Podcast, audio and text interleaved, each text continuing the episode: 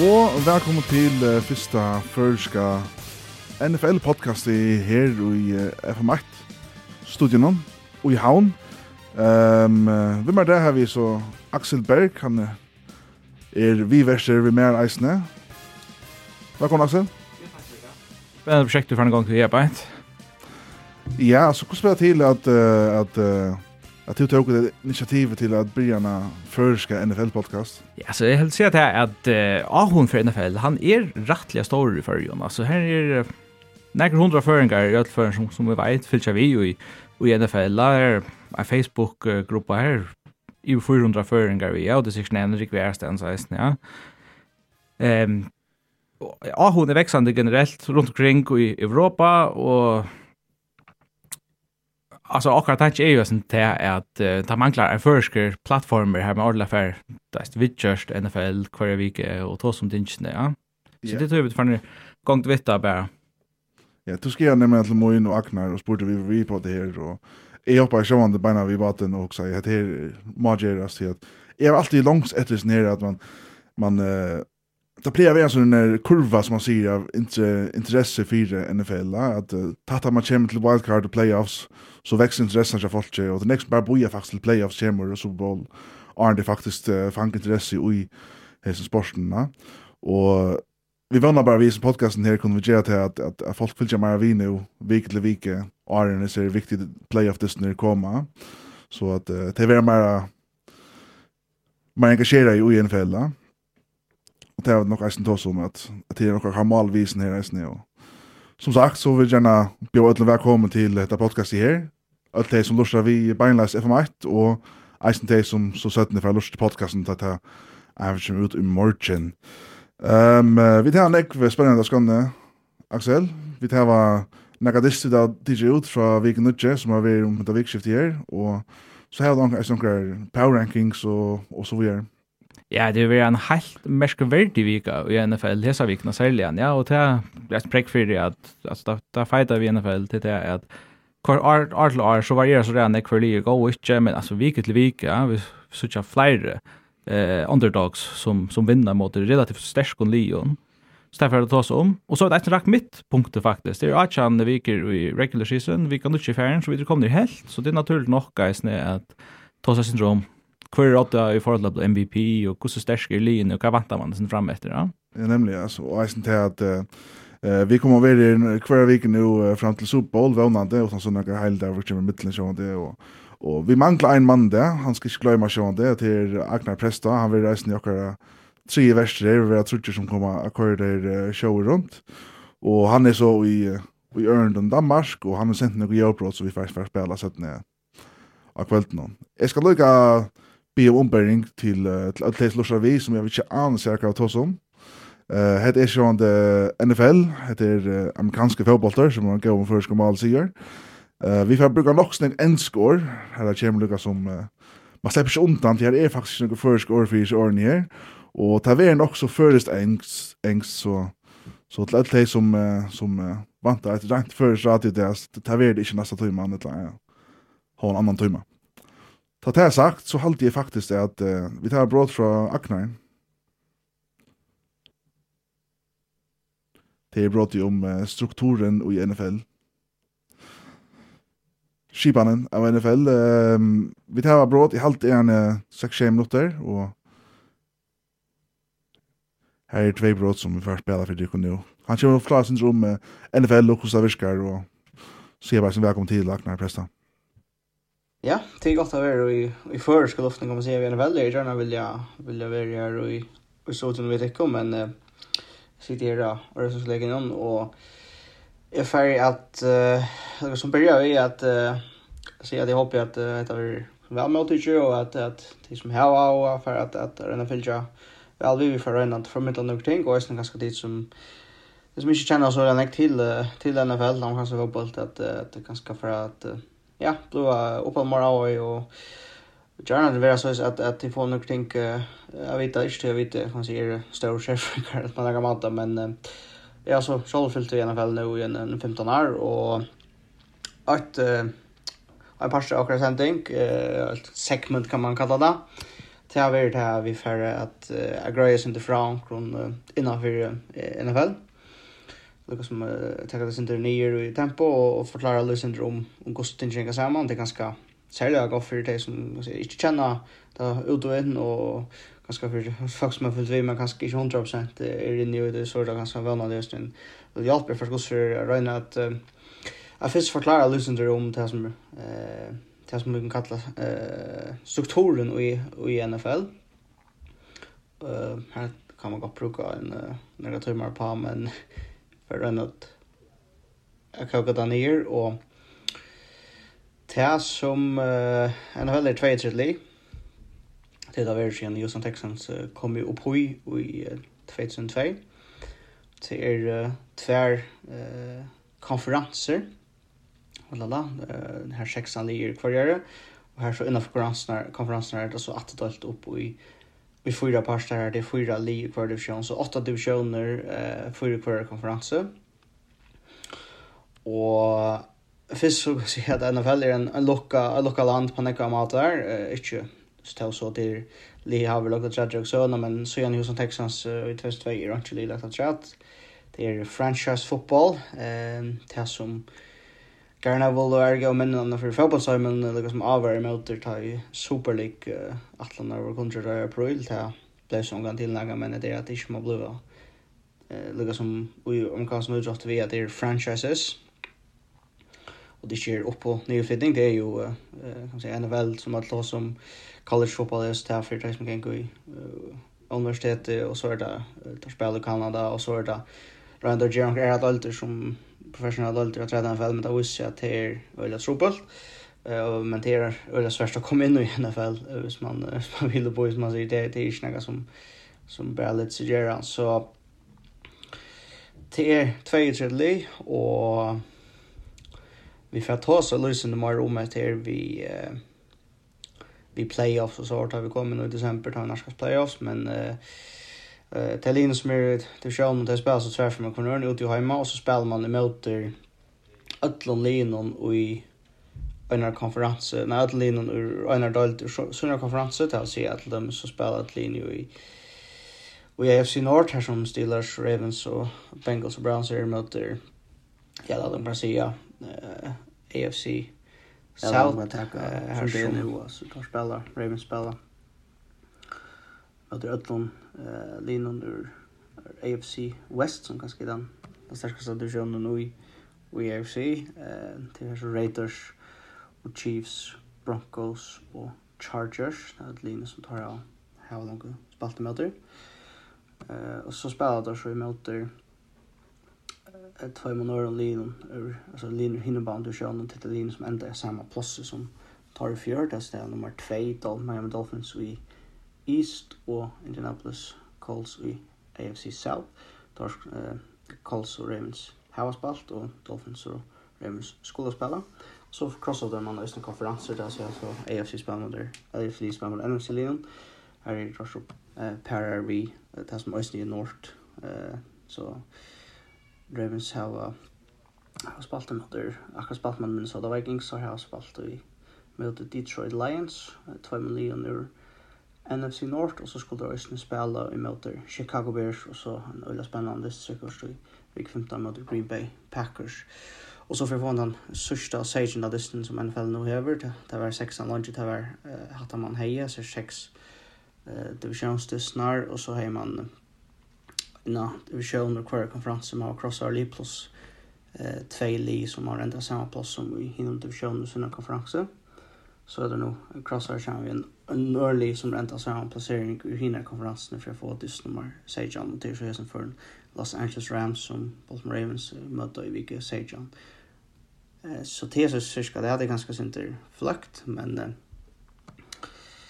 Och så kommer det till Virgin Playoffs, ikke det som sagt, det kommer en arena, men uh, fjör för det ut till att imot till att det, det har vært sex league kvar konferens som kommer i playoffs så er det nu tjej league för det att se att nu är det nästan hälften av linjen som kommer i playoffs första av dem 2-3 och här skulle så sex league kvar konferens spela i wildcard weekend som är det första vikskiftet till spela playoffs. Og til så får man til dystre kvar konferanse med en til lige kvar konferanse som er vunnet flest dystre. Jeg ser til med Snow Cardinals og en og sier at det finnes jo fri vikskifte, første vikskifte og lige som ligger, uh, ligger best for i i AFC er i Røsten finnes jo fri. Men hadde, hadde alt kommet alt innan, så... Ja, hadde vært så Agnar Presta i sin analyse av Kiban i NFL. Ja. Ehm vi får faktisk bara bant vidare, lika halt kött Axel alltså. Hur spelar till att du är så garvar över NFL fjäppare och och hur intresserad snack för sport nu? Ja, är börjar hitcha efter NFL. Alltså den första distin är så. Det var Giants mot the Packers i NFC Conference Championship, alltså det är så semifinalen. Och i 2000 och tjejkappingar eller någon, januari 2008 där vi är ta og ta så distrin job Brett Favre og eh Fyre Packers annars og eh ta en öde spännande distant för overtime og sånt, og Giants vinner distrin, og så den neste distrin så till Super Bowl 24 det här i Patriots er det der nu kan de nolla undefeated och ska spela mot Giants som er champion underdogs og tar vinner, og i prosessen här på så så blir vi bare forelsket over i i i New York Giants av en någon Och så från år efter så är det bara så synte vi men det är så nutch kappingar så jag antar så har vi alltså så kan du tälja en hund snäck som det är jag visst att det är bara helt det är så fett att det är efter NFL och det det syns det hände så jävla en ex som i fall det sen vill länka ja men till alltså först enaste play hon jag var sia och det har jag fett det här vi att lyssna sen man ser att man kan sitta det hitcha fylla vi åtta lyssna sen alltså eh om kvällen och så tar tar det lite så kommer liksom där nästa 60 nästa fantastiska strukturer och jag askor avskåra vinna det. Så är man som det är en Disney som är om nattna och så tushmorgnen och... Jag tar man garva hvis man sitter där klockan 1, halvkon 2 om nattna börjar och inte klockan 5 om morgonen. Men det är inte fyra, alltså sälja hvis Giants spelar en viktig andist. Ja, nämligen. Kan vi ta här, när, när börjar du hitcha efter NFL? Och hur helt du vi? Jag börjar så smått. Uh, jeg var en sånn her som åkte bare playoff som vi tar med Janne. Och, uh, jag blir ble sånn der uh, fankar av Peyton Manning och jag sa tog inn till uh, han spalte i Colts og så vann han 2006 och tassa superfinalen var første superfinalen jeg hukte etter, og så ble jeg en sånn ordentlig du vet, garvar av Peyton Manning fan. Men jeg tror at mine vimmer rundt om meg ikke hukte, og hei, snackar du vet. jeg hade liksom at, at uh, tåsa vitt om så blev det som ta meg mig som en en sporster som er bare faktisk hukte til London, ta i hoa. Her var noen fire som var Steelers-fan rundt omkring, det var var sånne glory days, men... Uh, men uh, så, så før jeg sin bakka at jeg uh, for skola og så videre, og brukte ikke noen der på det, men så blir jeg spekla at det er 15, og det var særlig at jeg hukte til Hard Knocks, tja Chiefs til Alex Smith-verner, at jeg hukte til Øtland til sendingene, og så ble vi ordentlig fanget av det av, av linon og så är bara helt vid time så igjen och oj oj och i London som man ser det ska så leis så det var ikke det gøy for en för mer her, og, og bygd der for opp, og så. Heldigvis er jeg jag att han fjärpar som har vunnet så på sen så gör Ja, absolut. Det har man varit månad stått i halda vi Chiefs än halda vi Giants. Sista sista åren, det er så helt sikkert. Giants vann så Super Bowl 2012. Det var fantastiskt. Ett en av best sportsmännen som är. Eh men bort deg, det er 2008, men Chiefs vann så kat mot test 20 ja, mot 49ers så var Super Bowl 4. Är så långt tappa grejt. Oh, yes, ja. Här tossa men kommer tossa sin Roma är chief site i sentingen. Alltså kat är det som sker här på ett. Ja, ta får vi det sett när här kommer vi en djupare analys. Här är det för ringa line av match och som är Garver Packers fan nice nu. Ehm vi får så att vissa listen worlds.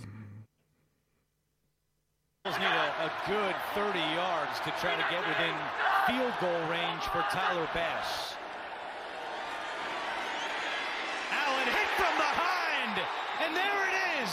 A sack for Josh Allen against Josh Allen.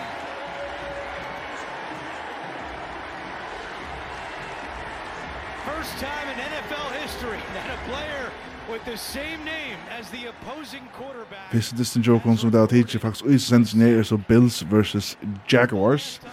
Bills versus hadde som ett av topplinjen i NFL we we can nutje her der skulle feras til Jacksonville, Florida. Josh Allen, quarterback stjøttene til Bills, hei nær gav og til bedre enn dessen noen. Fær nok first down, sier er opening drive, og her så plida et touch-yard pass. Her er veileikar, teker ui hans er face mask, men allikevel klarar Josh Allen at kvilla seg ur sier taklings ned og gjør et flop play. Men tyvärr for Josh Allen og hans, hans er Bills fjeparer var alt nya bakka etter detta. Josh Allen, altså Edge rusheren, ikke quarterbacken til Bills. Klarer jeg å få fædra bolten til Josh Allen, quarterbacken, etter at han fomplar ut her sørste drive distan, som gjør at Jaguars vinner distan 96 i motor Buffalo Bills. Buffalo Bills, Axel, som sier topp li og i, og i uh, Sast, som er topp 5 li og i uh, alla i NFL-deltene, for tap mot Jaguars, så Urban Meyer, Ja, det er et alvorlig vanlig tap. Kjøp, kjøp Buffalo Bills. Her på en tid, en diste man skal vinna. Altså, Jaguars lie enda jo attast i fjør, og det her var, hette faktisk den første disten det har vunnet i amerikanska gjør, så en week 8 i fjør. Det har vunnet en dist London mot, mot Dolphins, ja. Eh, det er så vanlig at att det her kickar rakt, jeg synes, første field goal. det det det är ju simpelt rikka illa. Bort från en av dessa mot Dolphins här i London. Ehm du nämner Urb Meyer han så nu tjuv vänjer tja tja Jaguars. En öliga legendarisk college football coach. Um, han hade varit kritiserad över så eh men så att han trycka väl häst det nu alltså och man kan säga värjan tja Jaguars mekna bara att totalt lucka Bills ner i det nu så den Josh Allen. Alltså han spelar en wonderlandist han alltså han har gått nog um, Så vi ha han her. Eh, 240 yards. Um, ok, eller, alltså han kompleter en sätt kost ut av 24 attempts. Men två interceptions. Han vill resten pressa över alla tunnar. Alltså, Jaguars värjer han pressar han 21 för han så här, eh, kanske inte tjej för dropback, så. Ja. Så det är en otroliga neck press under Atlantisten och han som lejer an till så stjärnspelaren av värjarna till Jaguars som eisen heter Josh Allen. Ja. så där som sån stortlig Vi har hørt om det, är rätt så. Det är först i sövn i NFL, att en spelare har säkert en annan spelare vid samma namn. Altså ja. akkurat samma namn. Ja, så. og, og ikke bare det, han intercepta igjen eisene. Så, så Josh Allen hei en sack, og en interception, og en fumble recovery, så det var skjøttene Skjøtnan som er Josh Allen tandisten, og det var veldig spennende Jaguars, utan Iva. hur ska det bli till bli till att att Bills, som har ett av de beste offense og i ligan får 60 i møtresene i linjen? Jacksonville Jaguars? Alltså en med regla i NFL, det är fast du press av en quarterback så kan du locka ner öll va. Ehm det är det är allt för en pastor av det här, men men det är inte så lätt att allopp på Jaguars spelade väl helt. Där har Trevor Lawrence som quarterback, rookie quarterback som blev all först i draft någon. Han skulle vara den bästa prospect uh, college nära han då va? han uh, hever 118 yards i distan og ikke tar stans interception, så? Men altså, det er det som er munnen i distan her, det er at, at, at Jacksonville Jaguars uh, offense, tar Jason ikke som så feiler, tar James turnovers i distan. Her mot the Bills, Jaya 2-3 turnovers i distan, og, og enda så vi at, uh, at ikke får person jeg ja. Um, jeg synes her at, at, at Trevor Lawrence og offense til Jaguars finner 2 av 13 third downs, og bara 3,8 yards per play. Ja. Det er helt utrolig man kan vinna en dist vi har stått. Ja, det er, det er løye. Altså, det, og Bills har haft nek vann av de tap ja? altså, det er bare størst mot Steelers week 1 eisne, og mot Titans og Nulja, det er for, ja, det er sånn tattis der tappa. Look, I think Trevor Lawrence eisne som nevnte hjelpa. Han har jo faktisk vært den nast, altså, som man hikker til Pro Football Focus, som er brysnåsneklig referanse, til, til, til tar gera statistikkar, alltså avancerade statistikkar av ett NFL quarterbacks eller ett land like Aaron går skor där rangera och han faktiskt blir näst attast av öllon som har spalt rymliga nek, va?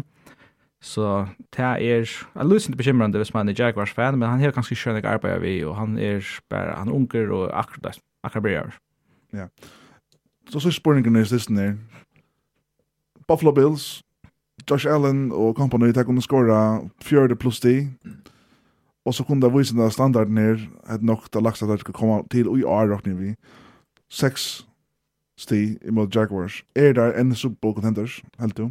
Det är där ju. Alltså tar tar hava eisne nekrir gode siksar vissar tar tar vinna tar bänka Kansas City av här Tyrion Ullagol sier och tar i främst divisjonen er en absolut contenter till att få number alltså number one seed eller alltså allt för där kommer playoffs där gör där. Mm. Så ju till till att möta vår conference championship fjärs. Det ska bara det ska köras inte bättre och Josh Allen ska spela mer stabilt. Aren't that Jimmer. Här till. Nu börjar alltså Jets nästa vecka. Det är en det man ska vinna. Och det är, ja, man blir säga att uh, Jaguars och, och Jets blir väldigt laxa linjer, men, men bär linjer faktiskt kommer ur botten och ut här. Lika AFC East or AFC South. Så i Russia, vi färrar så till nästa distan. for 40 yards and a touchdown.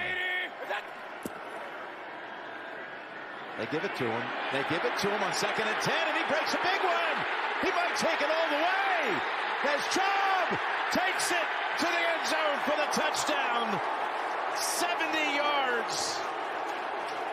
Coach Stefanski, here's your next gen stats. Browns, Bengals. Etter Browns låter Odell Beckham Jr. leisa maden i sørste vike. Var Cleveland suverener utan han i møte en donanligen Bengals vei.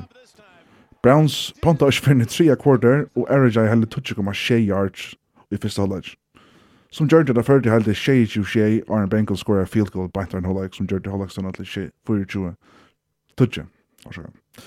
Cleveland Browns dominerer av ötlen Parstron. Baker Mayfield hei et yard pass, touchdown til Donovan Peoples-Jones, og vi skal gjøre ser vel vi Nick Chubb hendet distan. Begge rushing og passing. Etter hållagen var nøglund av det samme. Joe Barry kassa en interception distan, og skjøttenskottet Jamar Chase mistet et 100% touchdown pass. The Browns har møte kort sutt gagliga og velvirkande offensiva spel vi gjør som førte til en lattan 41-16 siger til The Browns.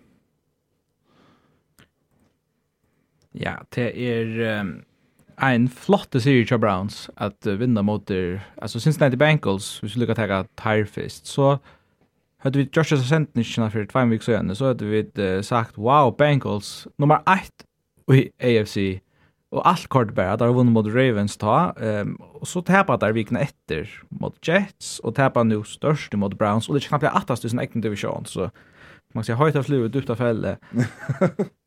um, Joe yeah. Burrow er fyrende jo er, men, men han kommer ytla fra stissen nå. En forferdelig pick-six han kastet. Altså, det er, ta er støvann en 0-0 da, i byrjan dissen nå, og yeah. goal line. Altså, han stendte jo etter linjen, eller hva det er, og kastet pick-six som for 100 yards sin veien, og til å ta vente distren. Ja. Ja, jag har alltid kommit allt att från såna uh, större inception där tror Joe Burrow men uh, men men lukar vi att det så är AFC North League som nämnde på den nu alltså här är så the Browns och Bengals är ju här och sen har vi time on är så Ravens och Steelers två öliga kända som har vunnit Super Bowl de senaste åren 20 åren vill säga. Ehm um, här är det jämnt alltså Steelers, Browns och Bengals har öll fem sikrar här Ravens så har sex sikrar.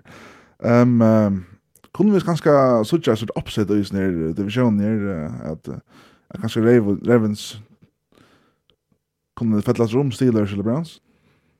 Jeg trykker vi illa på Steelers, og det tog jeg at jeg trykker ikke på Ben Roethlisberger, jeg hadde han blitt for gammal. Um, det må jeg si, ja. Um, selv om altså, det kan godt komme i playoffs.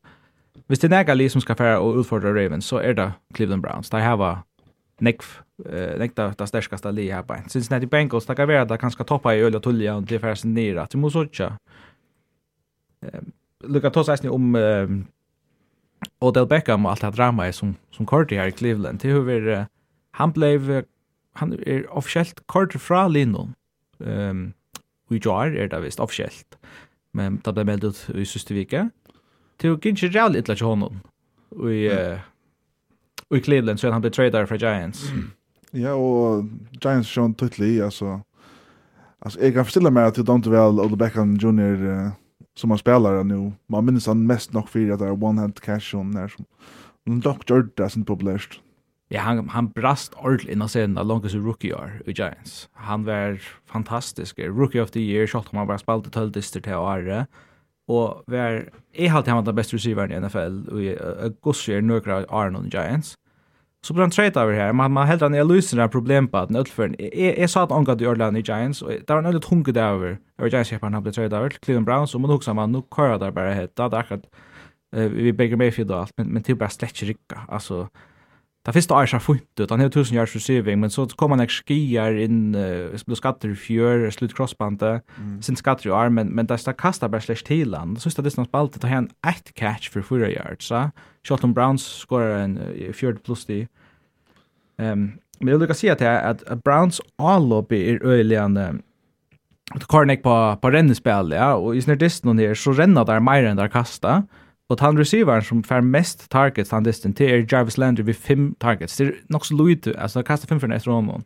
Så det er ganske fjern kjøttspillere som Odell Beckham, så, så det er sint ikke lukka stuttlet at bare være en parster av det. Han skal ganske være kjøttnan og heva sine catches. Og tog er teorien til han at hever man en så gåan receiver som Odell Beckham, så forstyrer han Baker Mayfield som er en lydsint avmerkar quarterback, og han ganske hoksa for nek om å kasta til han og ikke spela lukka frutt som han annars har gjørst. Til ødelføren, det som påstanderen er her, bare, og det er en så grunden til at det er fra køren fra seg.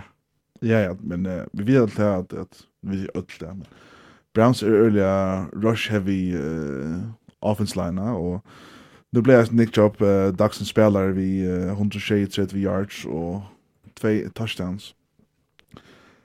Han er, uh, han er eldest men uh, man ser ikke vet noen. Nick Chubb. Han han är en av de bästa running backs uh, i NFL till till åtta nivå. Men eh uh, kommer att alltså det nu man tar sig nästa om uh, Joe Barrow quarterbacken tror tror tror Bengals. Eh uh, och han så link upp vi Jamar Chase har varit du samman i college. Ja, där spelar LSU samman, passa. Ja, LSU samman och så kommer då NFL där och tycker inte öle väl senast nu och det kicksar inte där nu säger jag i början här att att Jamar Chase missade han två bollar han borde borde ha flofta. Han är ju en rookie och jag han klarar sig öle väl alltså helt det ut allt är alltså. Ja, så han kastar nog efter han kastar 13 för ett Jamar Chase det nu men han får bara 6 catches. Ehm um, så där där nog täcker han rättliga väl alltså tantisten uh, Browns. Ehm alltså är det trick för att jag att du så jävligt likvande i flyr det sjönte testöje för nog inte hålla sig det så heter vi att fullkomligt så över Archer Jamar Chase men Det är det tycker på att Spengels tar kunna gått för ut för divisionen, men är jag lusent kritiker. Här för unkjer och orutinerar. Ja. Ja, det är inte att ta nog a little framtiden av Bengals. Nu nevnt seg gång running back Joe Mixon som just a helt utrolig. Yeah. Han blir den bästa spelaren i Bengals Det er en Disney, ikke alt man ikke kan spela vi men uh, Vi lukkar Iron Fair nästa distan Axel så her har vi faktiskt finns ett sms sms chiparna. Åtta när har sagt eh uh, nummer jag anlägga och till 2595 till kunna smsa till.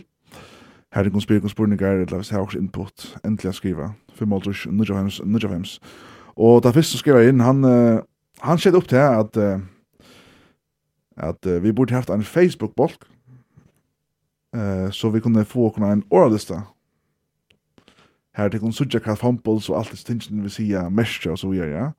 Og jeg også bare til at vi har en bolk som er NFL følger, eller to hever faktisk en bolk her, så vi tar en nøyron. Og vi kunne bare gjerne taie her, her, her vi tar en oralista og, og når neste sendingen kommer live og så videre. Det er nok til det. Godt og godt. Så NFL følger av Facebook, alt det som er NFL og HE. Ja. Og ikke kanskje er i Abolsen. Men ja, for meg og minne eh, avgruttner, NFL-fjepper eller erfarener. Ja. Ja. Impressive.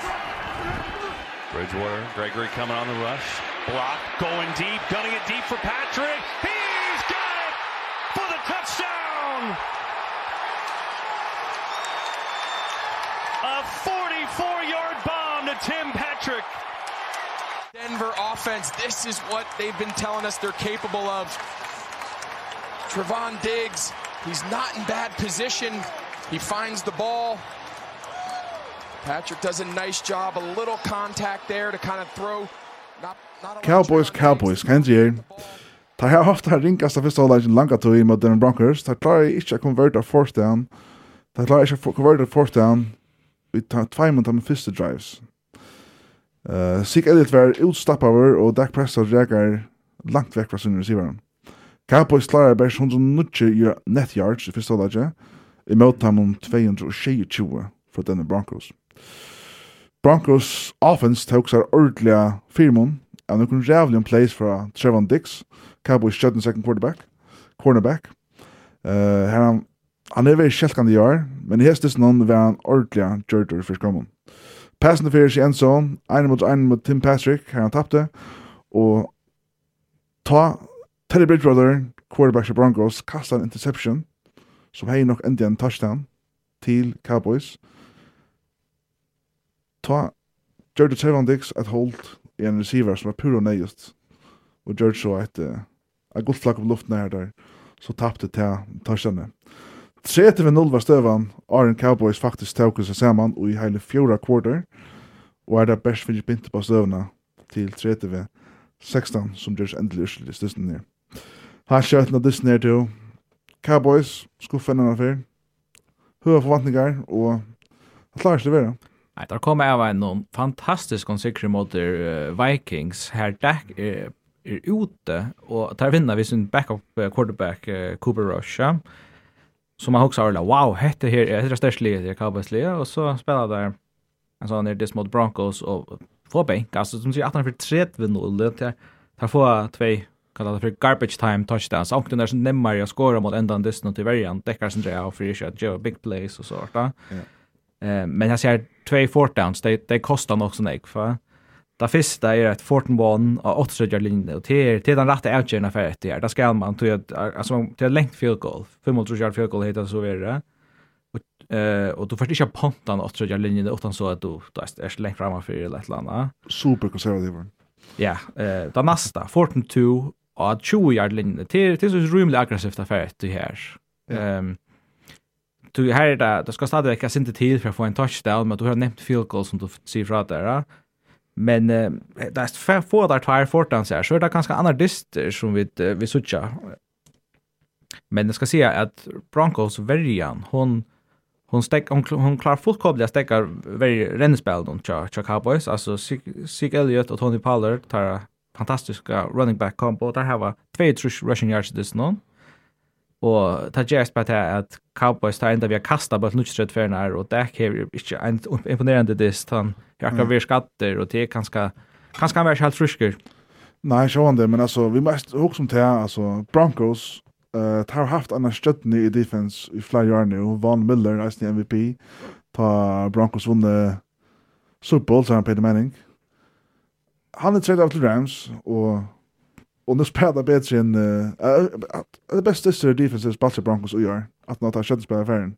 Alltså ett av grund till han trade kan kan gå vidare och stäver och innan så att människor like han lika daman i river. Ja, alltså helt så Eisner han kanske inte är den samma spelaren han han var en av er. Eh, jag vet inte kanske kontrakten John så ut men eh det är ju så läs att det har två sex i det någon gott nog. Ehm jag vet inte hva det er som gjør som, som rikker her i, i brankosverden utan disten, men det det, det jeg också om altså, det är också stolt att man man kører en så alltså kanske den bästa världspelaren i sövne i sin franchise. Och så så kommer jag ut og performer, så man nesten gjør shot out av Dallas Cowboys och ut och quarter så. Det er flott. Ja. Det är ordentlig flott och inte så mycket man visst men men Öra nekka har vært etter Dak Prescott nu i, i milen og senast ned, og jeg vann bare ikke med at vi er en annen atsvær til at uh, en av topp uh, an Los Angeles Fox Sports sier til at, uh, at Cowboys har største problem er receiver nu, til er Dak Prescott. Kan det være Cooper Rush kan uh, takka plass til Dak Prescott, er, eller er Dak Prescott det er bare forstørst navn? Jeg har Dak Prescott til å spalt godt gjør. Det er sin unfair affære at, at lepe av mannen, men han, jeg har bare problemet med at han er litt han for nekv opp. Altså, så, er Ta det lite Arne Arre så säger man Dak Prescott top 5 quarterback. Jag stödna alltså sväka kontrakt 4 miljoner om Arre dollar. Det han färre vet inte det är 25 av uh, salary cap Jack Cowboys så. Han är kanske inte alltså han är sluga lika god som ehm några alltså in stödna spelare någon men han är en god quarterback och han har haft ett gott år och kom till England gott blir MVP uh, prat någon. Men Men hade här var bara en helt idist. Ja. Jag var också prata om han faktiskt var i i contention för det här men så blev han skattad och blev sen veck. Lukar det sista om det här reisne men uh, Cowboys har lite så långt främst i NFC East som som det Giants League där han tror jag säkert Myron Giants till självande alltså störst så att för Cowboys kom i playoffs i år. Så vinner av NFC East. Ehm um, men alltså Cowboys har den nära chans att komma i NFC en NFC Championship game uh, till Cardinals Rams box och Packers är i samma division. Alltså det är inte det med Cowboys kommer i playoffs. Jag tycker vi lutar på att a Giants eller Eagles eller Redskins kan attacka sig divisionen och det där är långt längre att han fyra. Eh jag jag hade väl Cowboys kunna komma i i Super Bowl eh eller i NFC Championship game. Men det är en ræðliga hör division att spela ja som du säger här är next starkly men en gång det så kan Cowboys vinna mot Atlanta och tar Det var spalt jeg sin rettelig tatt imot Buccaneers første disten i åren, og her er tappa et game-winning drive til Brady. Ja. Så det blir vel til. Ja, forstått.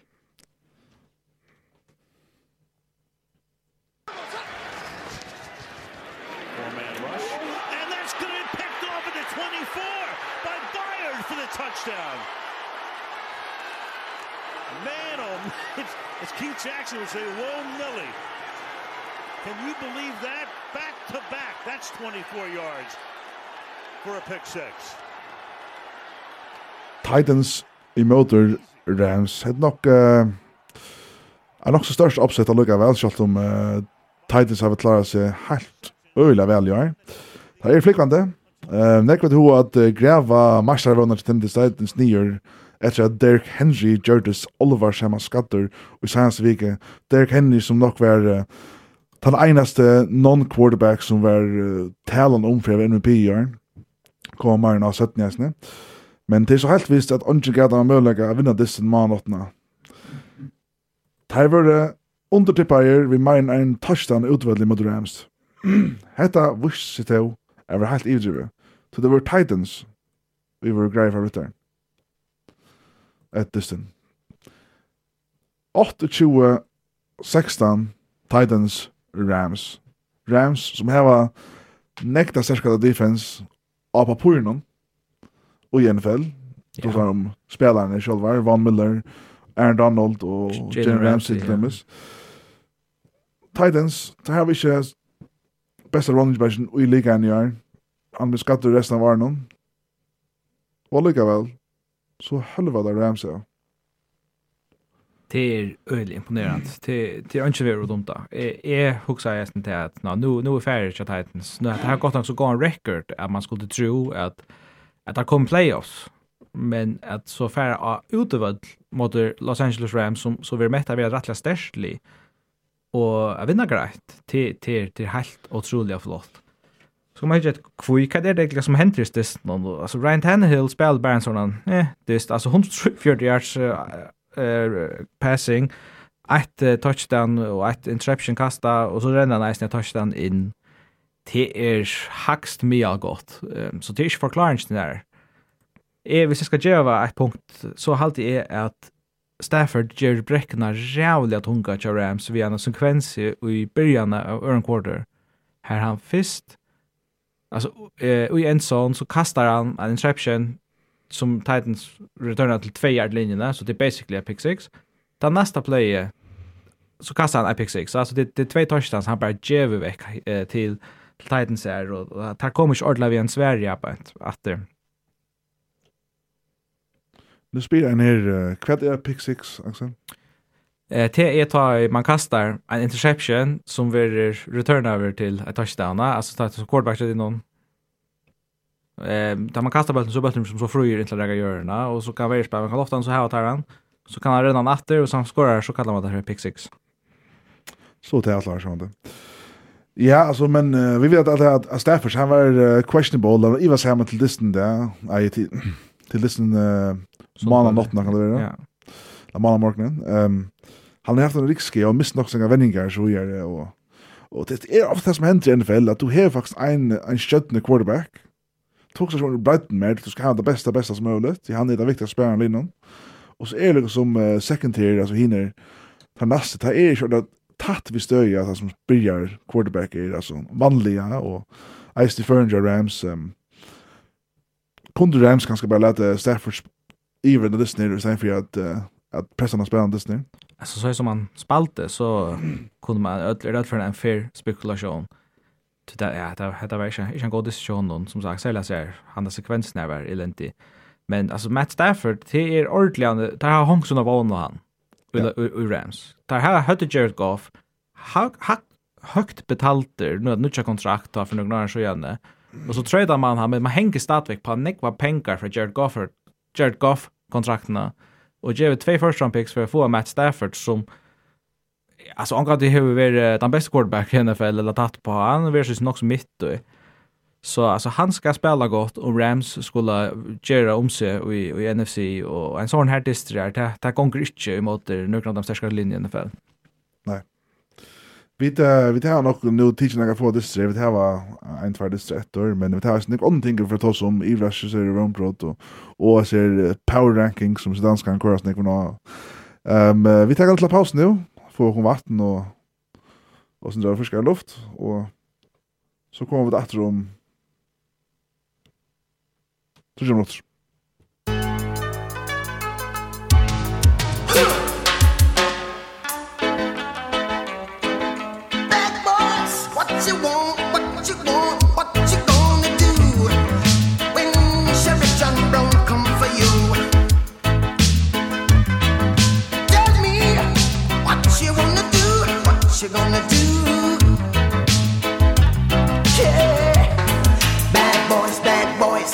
You gonna do?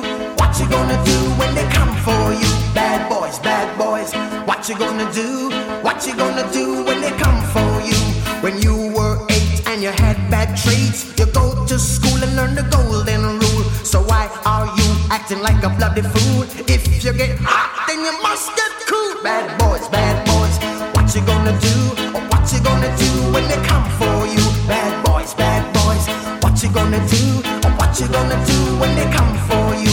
You chuck it on that one you chuck it on this one. You chuck it on your mother and you chuck it on your father. You chuck it on your brother and you chuck it on your sister. You chuck it on that one and you chuck it on me. Bad boys bad boys what you gonna do? What you gonna do when they come for you? Bad boys bad boys what you gonna do? What you gonna do when they come for you? Bad boys, bad boys, What you gonna do? What you gonna do when they come for you? Bad boys, bad boys. What you gonna do? What you gonna do when they come for you? Nobody now give you no break. Police now give you no break. That old soldier man now give you no break. Not even your eyes now give you no breaks. Well, hey, bad boys, bad boys. What you gonna do? What you gonna do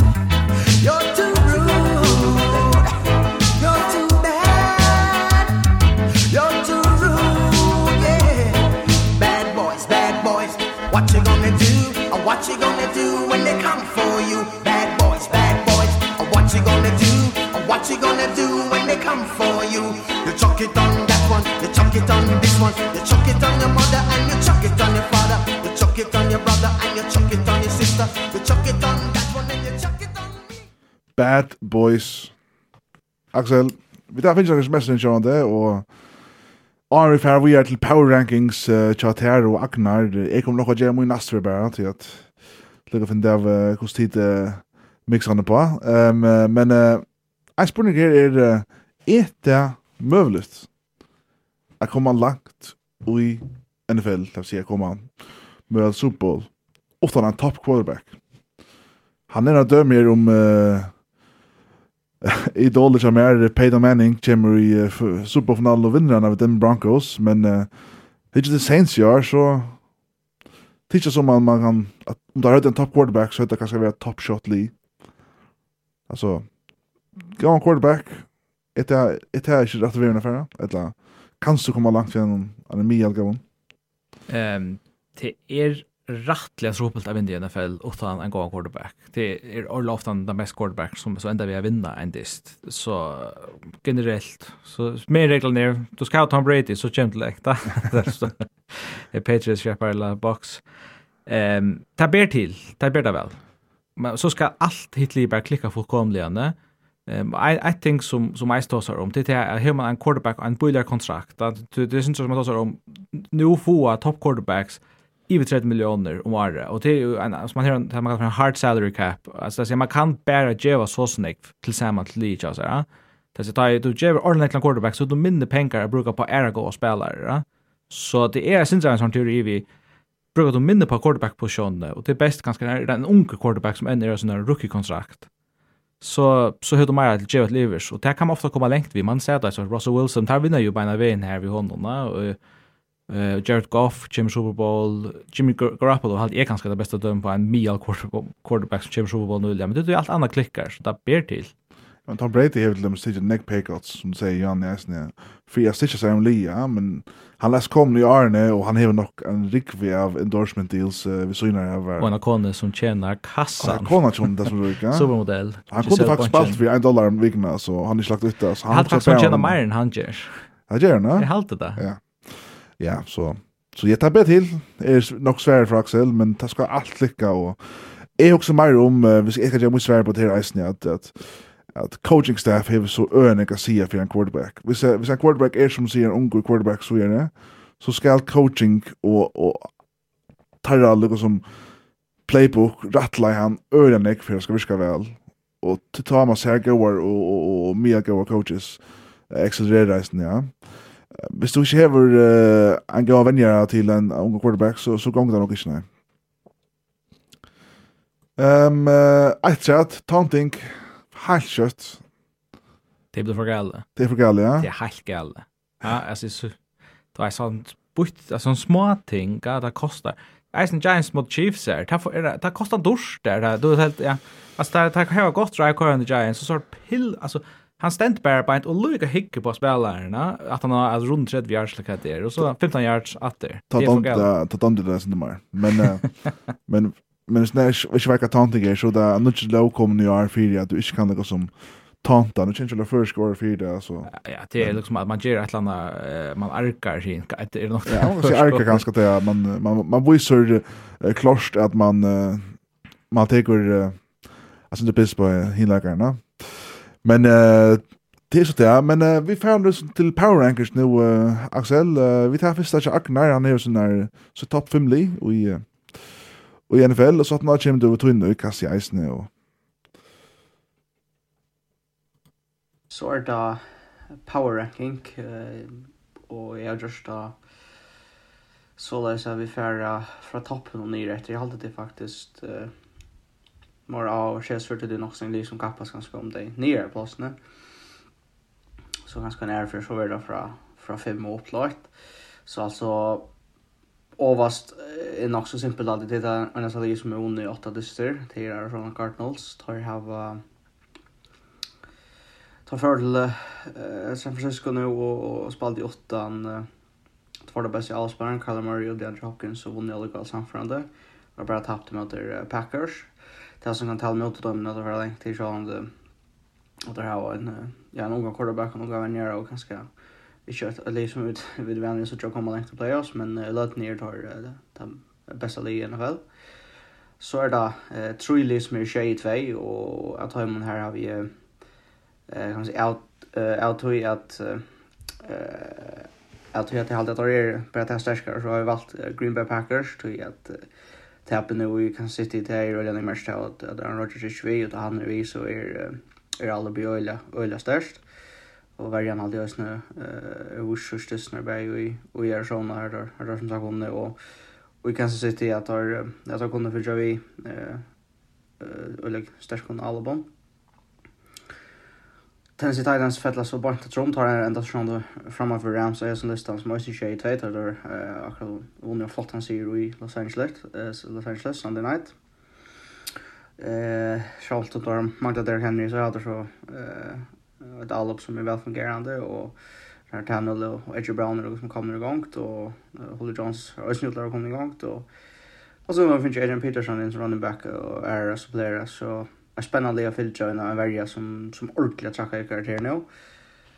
Och så er det så Ram som som får uh, fjärde platser. Eh tungt det bara i med men eh vi tar talent når det här var bara alla på några värja när något där så får Juan Miller in så så er det en skiva man tar för att komma lengt så i, i NFC playoffs. Det er bare spørsmålet går så lengt. Ehm um, här var nog ting som man kan ju jeg att fixa. Och så är det öle spännande alltid om finta plats det är ganska av allt här sårst. Eh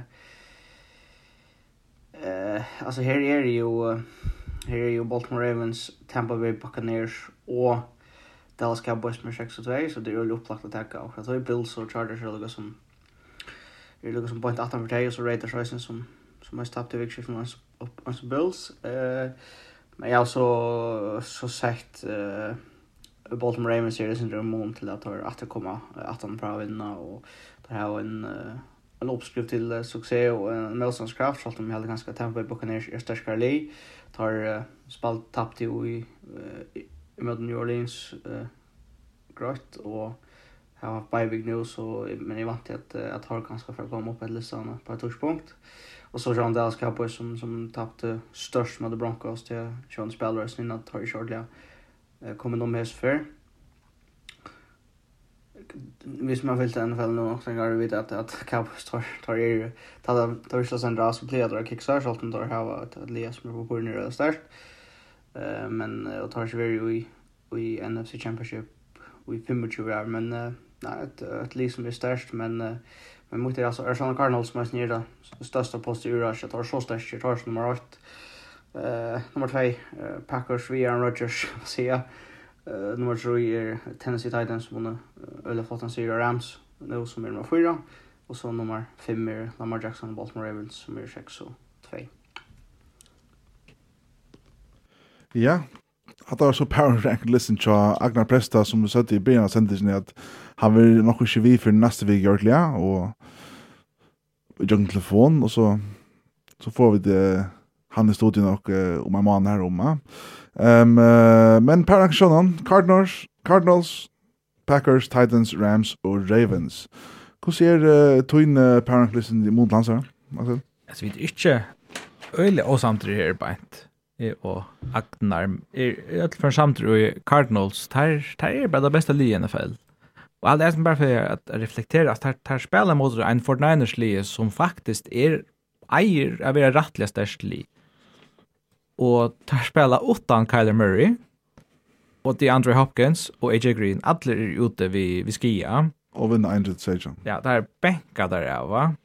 Det er, det er reallig imponerende. Det taler virkelig at det styrker ikke en li, at man kan gjøre så hårst. Og det har haft noen gode sikre. Det er, vi vet, ett, ta dem ned der, Tennessee Titans. Det har vunnet mot Vikings, det har vunnet mot Rams, det er nok så greit, det har vunnet mot Browns, Och så tappar där så det i i sista veckan här mot Packers men där kunde akkurat så var vunnit av desten till ett öljande oh happy play av eller ett mankel på ett play som AJ Green över där som ger att att där tappar på ett interception i, i en sån i sista sekunda desten då. Så där kunde akkurat samma vid 0-0 visst det var uh, visst det tappar inte rätt jag där nästan. Det är det största i NFL så spyrs mig att Kanye Murray spel spelar spelar öliga väl läsna. Kunde sagt hans vara en MVP MVP kandidat. Nummer 2.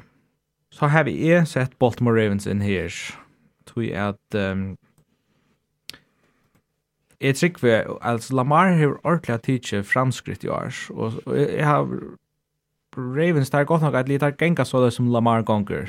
Um, Där blir jo vi en någon rättliga ohäpp någon tepe mot the Raiders i Ivtoy. Men så jag tar så vinner der mot Chiefs til den sterske sier her, eh vinner greit mot Chargers som er en av de sterske linje i NFL. Så tappar der mot Bengals et eller annet gång gang gäll her, og det er ganske tog ikke hevder nummer 1 og der tappar han den här Disney og vinner nå mot Vikings i overtime söndagen. Eh Lamar Jackson det som er vi honom det är han er väl inte for, för okej, okay, renner han att han är så extremt explosiv spelare, renner jag så där.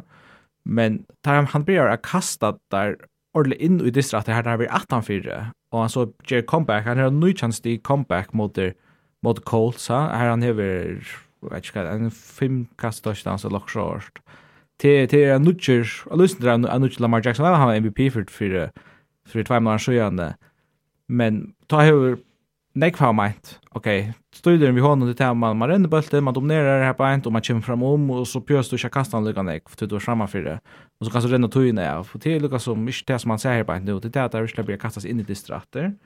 Så Ravens nummer 2. Nummer 3, Tampa Bay Bucks, her er jo eisne Super Bowl, um, defending uh, Super Bowl champions, ja, det var i fjør. Her uh, heter ikke vært en sån tap mot Rams her, og en noen øyla vanlig temp mot Saints. Senast vi så der, så, så heter nok vi hakkere. Han uh, Saints-disterne, ta uh, for James Winston ut, og der tapper lukka vel. Men, men alltså Tom Brady har vi varit ordentliga, ordentliga goda i år. Det är ganska, en av sa bäst, alltså en han bäst spelar han har haft, det har men han är fyra och fjörde, kvätt skera, kämpe i överraskelse.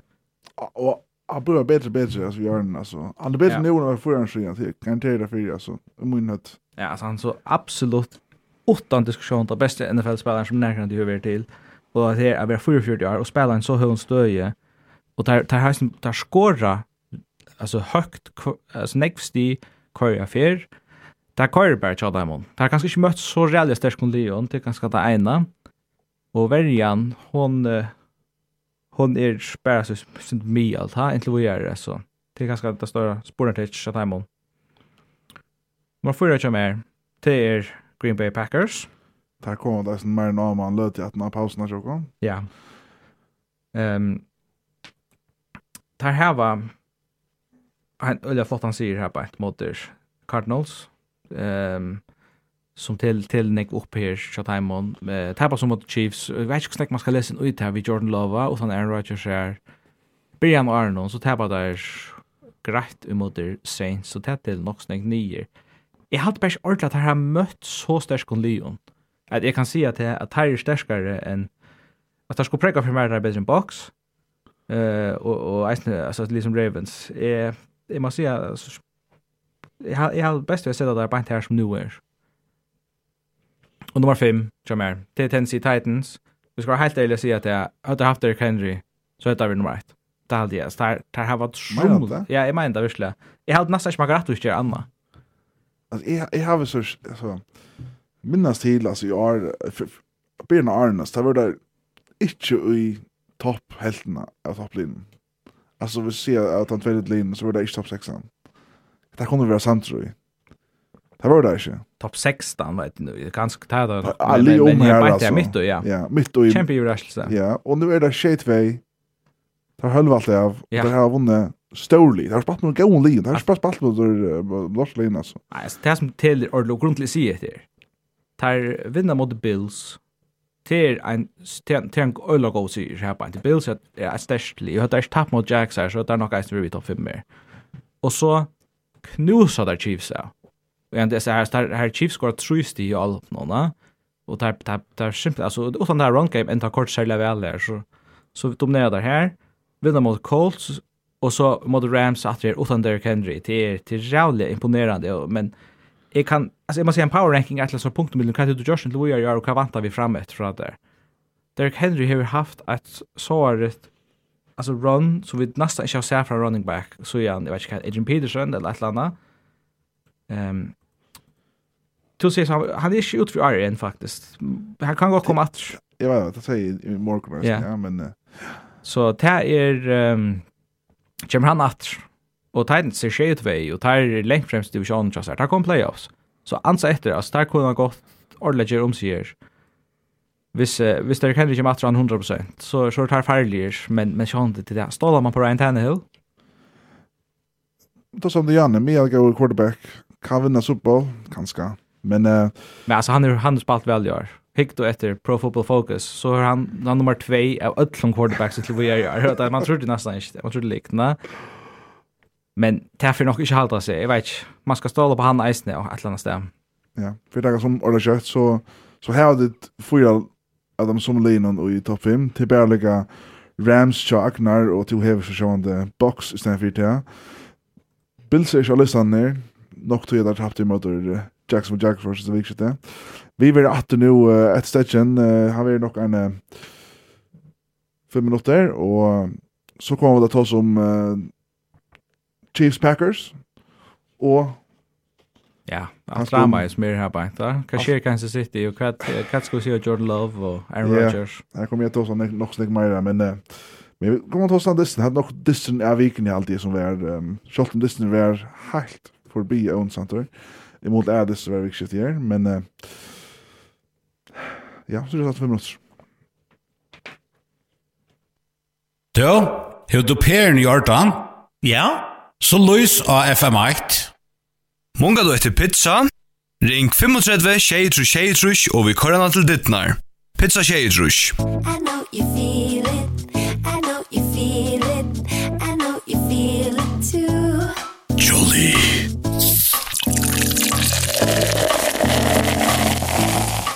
Jolly fra Färja. 3, 2, 1.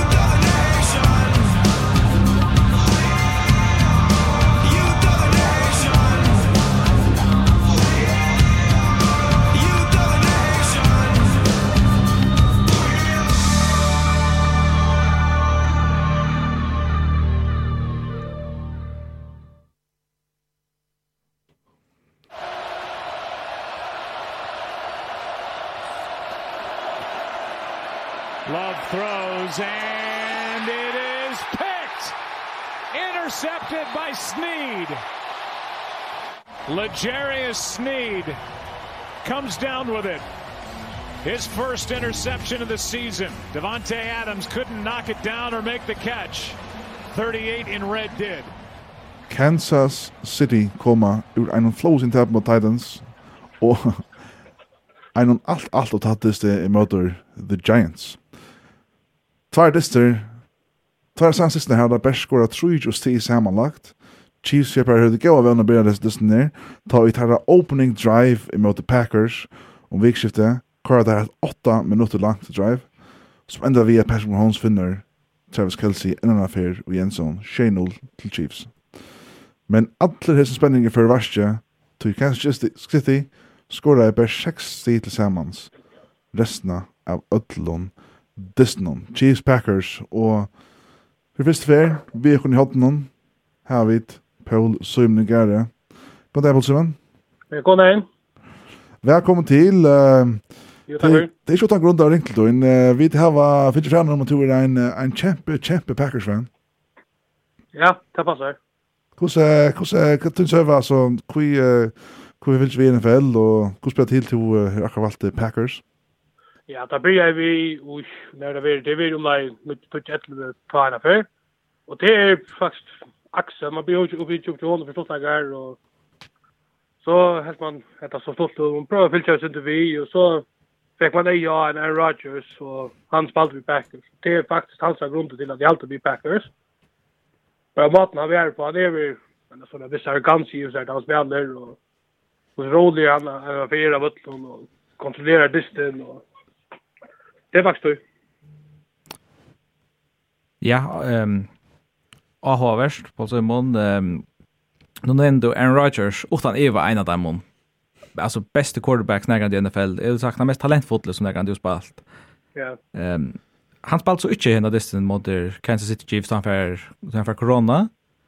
Og Jordan Love kommer inn i stedet for at her, at han som tar tog i draften og i fjør. Um, hvordan helt du at han klarer seg?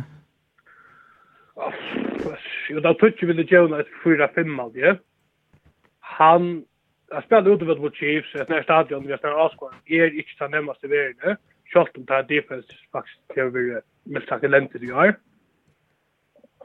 Så halt faktiskt han spalt fort, han allrounder. Man sa till tojer att han faktiskt kan bli bara rättliga gånger. Men jag tycker att han spalt ordla väl, ordla var alltid ganska usnägg. Och jag vill inte sagt att det skrifta sig han kan bli att han last quarterback till Packers. Det vill jag sagt. Men jag rockade faktiskt vi att det blev han mer, det rockade vi ja. Jag är alltså fall på Ja, vi kommer faktiskt också att lyssna mer om dynamiken här på en mittel Jordan Love och Aaron Rodgers.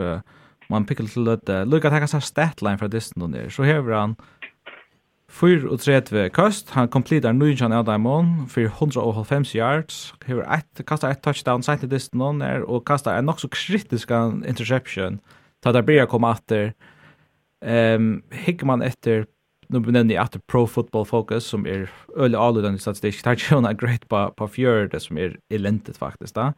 Ja. Det er sånn, hvordan skal man evaluere henne, til at Alltså är är så han så issues my mouse var trickar spela en sån NFL vettel men men du ser först det där men jag gav han över ver det first round pick så är han så andra år i NFL. Där ska man ska man vänta mer av honom eller eller ska man vara sånt att tål den och lugga väl. Alltså är är det så man ska vara tål Till Så du kan plaka en man in så läs när knappt jag Rodgers för vägen ny corona.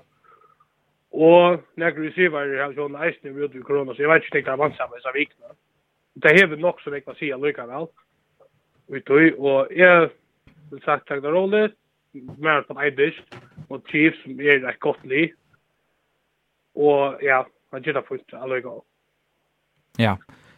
Så atre, hver, hver er Jordan Love egentlig? Ja, han er en uh, quarterback som um, ble draftet i fjør. Um, man vant det, han var ganske sånn, ja, mitt i första runde kanske är det runt quarterback. Inte inte dåst, inte några Joe Burrow eller Tua eller Justin Herbert sin att han förtar. Så han detta löser ner draft någon.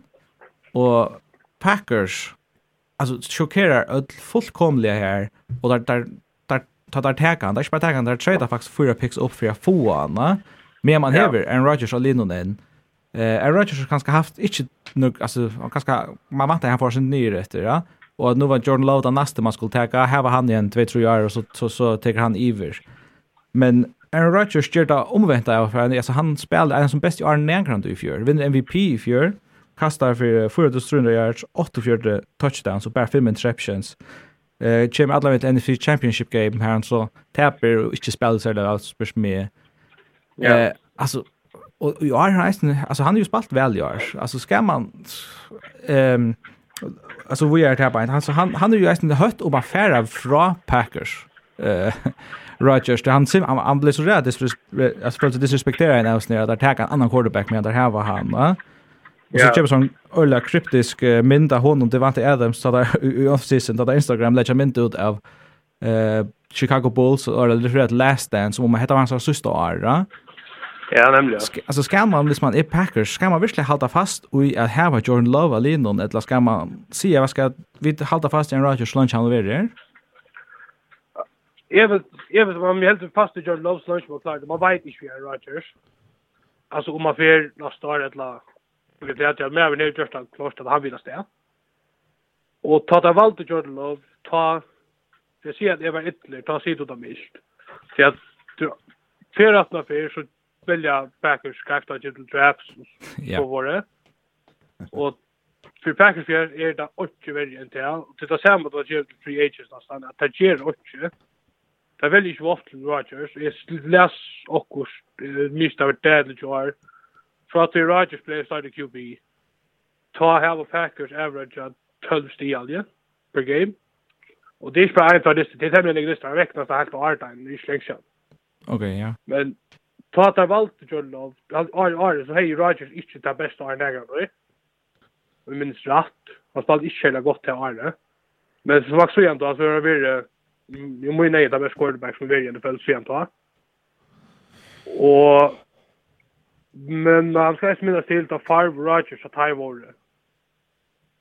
Ta var Favre eisen temmelig ytterligere i runda, men til månen vil tarpar er at Rodgers vill det faktiskt att vara en en mentor för att säga för Jordan Love. Och där tar han nästa samman. Och där kör det Favre och Rodgers blir inte tatar på vår past, man ska säga. Enligt sagt, allt du Jordan Love för att vi är sin skiljes under vändning och så han vet en öliga väl ta han släppa med den affär. Där Rodgers inte vän vi mer.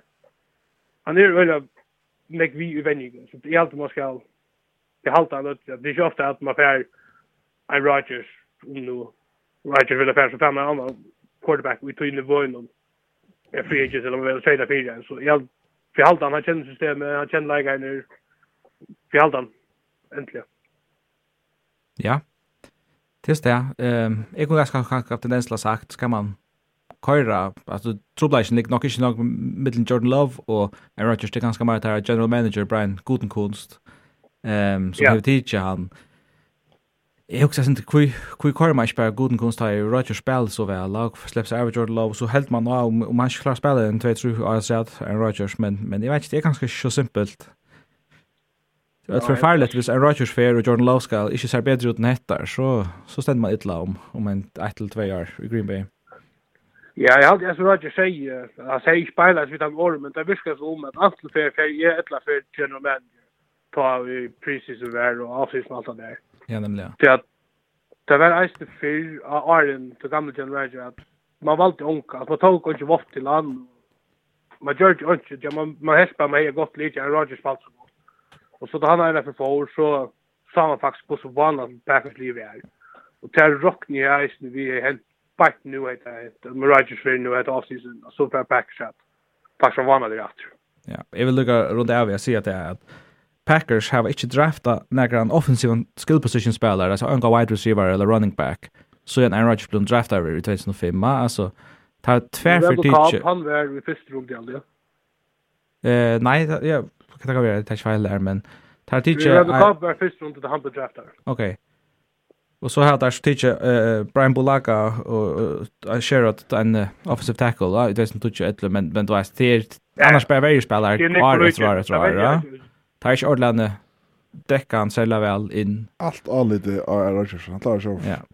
Men uh, för så att oss hade alltså Green Bay Packers pastoren. Ehm uh, Arnar för oss som Kansas City. Ehm um, så har att här ver uh, alltså det nog det bästa all i NFL det syns tror jag. Så en så en Patrick Mahomes tog över. Han är väl fantastisk.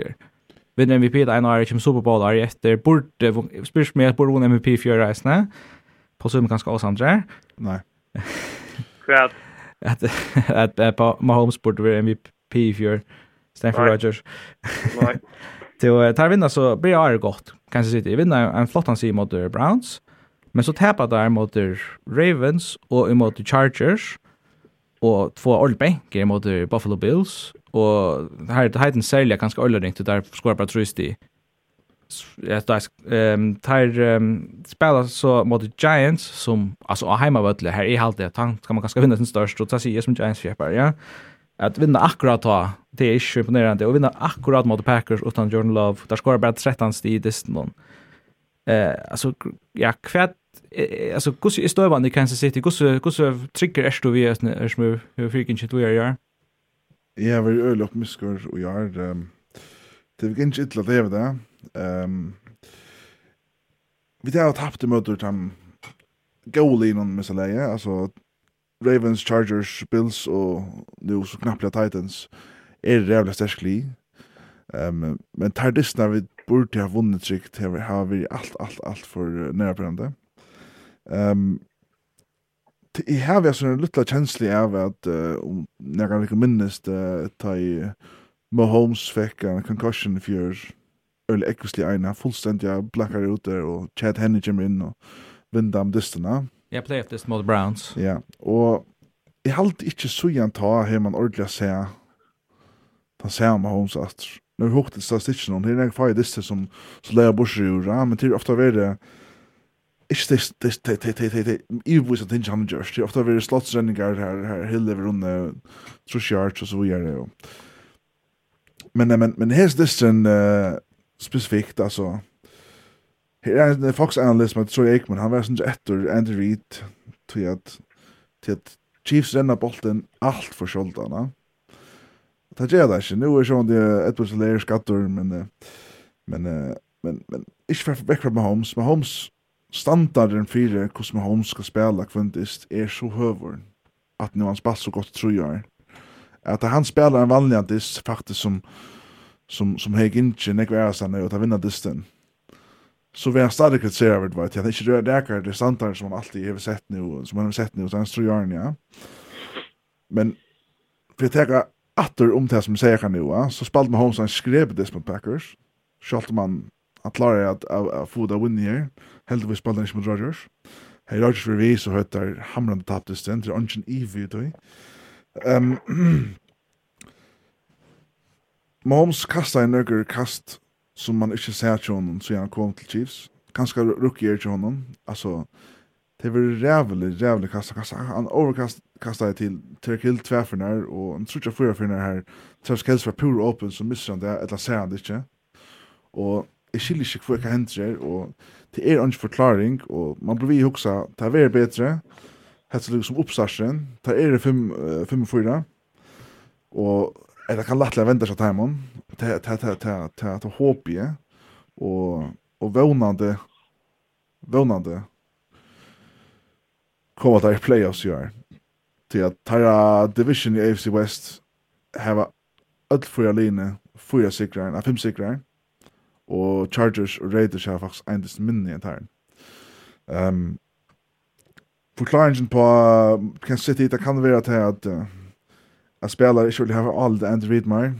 Ta färd fra en superwin til en superloss til nå at han har en rævla byrjan. Og det är en forklaring, altså, beinleisen til at, at, at det ser ut som bare Mahomes ikke er den samma. Värjan till Chiefs är inte vilka osans i öronen närkant och tar faktiskt bara vunnen via skramar på sin inne. Ja. Nära samma som Munter som fotboll så referenser Barcelona under Frank Rijkaard men ehm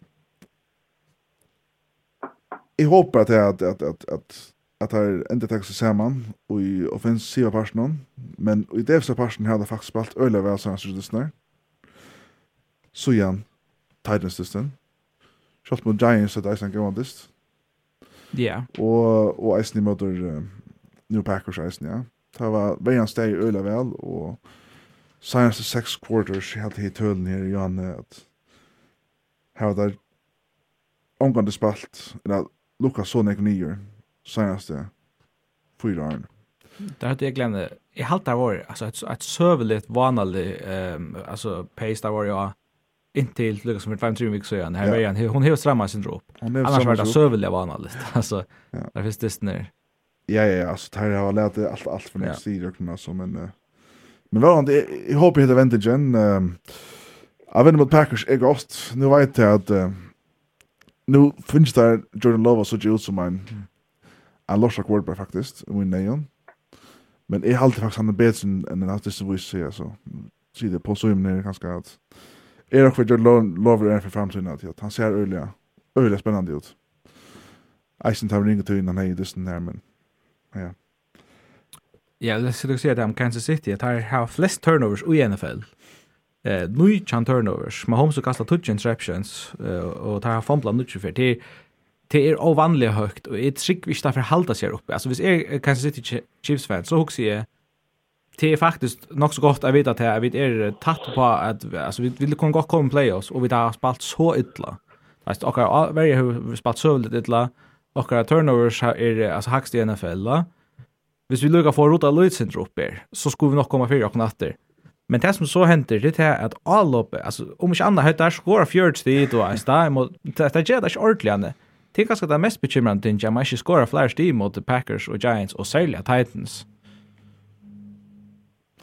Ja, Ja, er Jeg held bare at Holmes er frustreret ut sånn at han Fast snaps, og han gjør det, altså, jeg vet ikke hva det er om, om, om, om, om, om om det er ånøkt som i middeltar, der er helst i middelen Kelsey, Hill og, og Mahomes så synes jeg det er godt da og så er det nok Packers og Mahomesens idler og før oss ikke så ikke seg for det på mennene som pleier gjøre men uh, ja annars er løsene då det er simpel Odell Beckham Jr. free agent kan han ikke gjøre altså han kom til Chiefs nei det sitter du Ai, Jag bin för stupen här alltså. Han är för dyr alltså.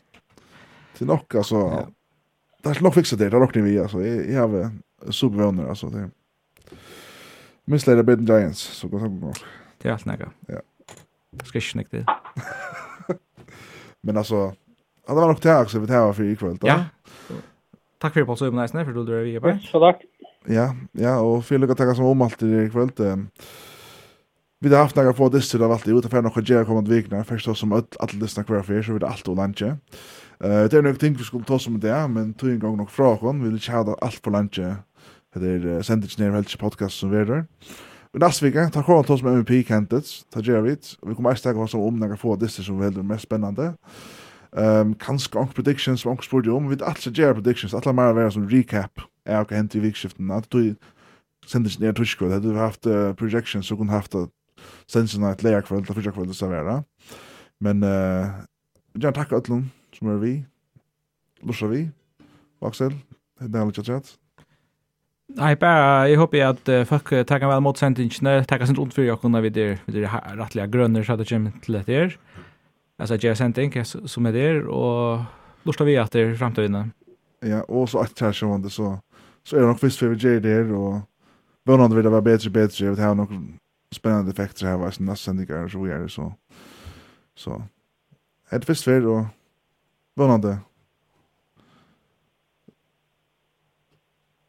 Arska. Takk for det. Og er teknikere han er.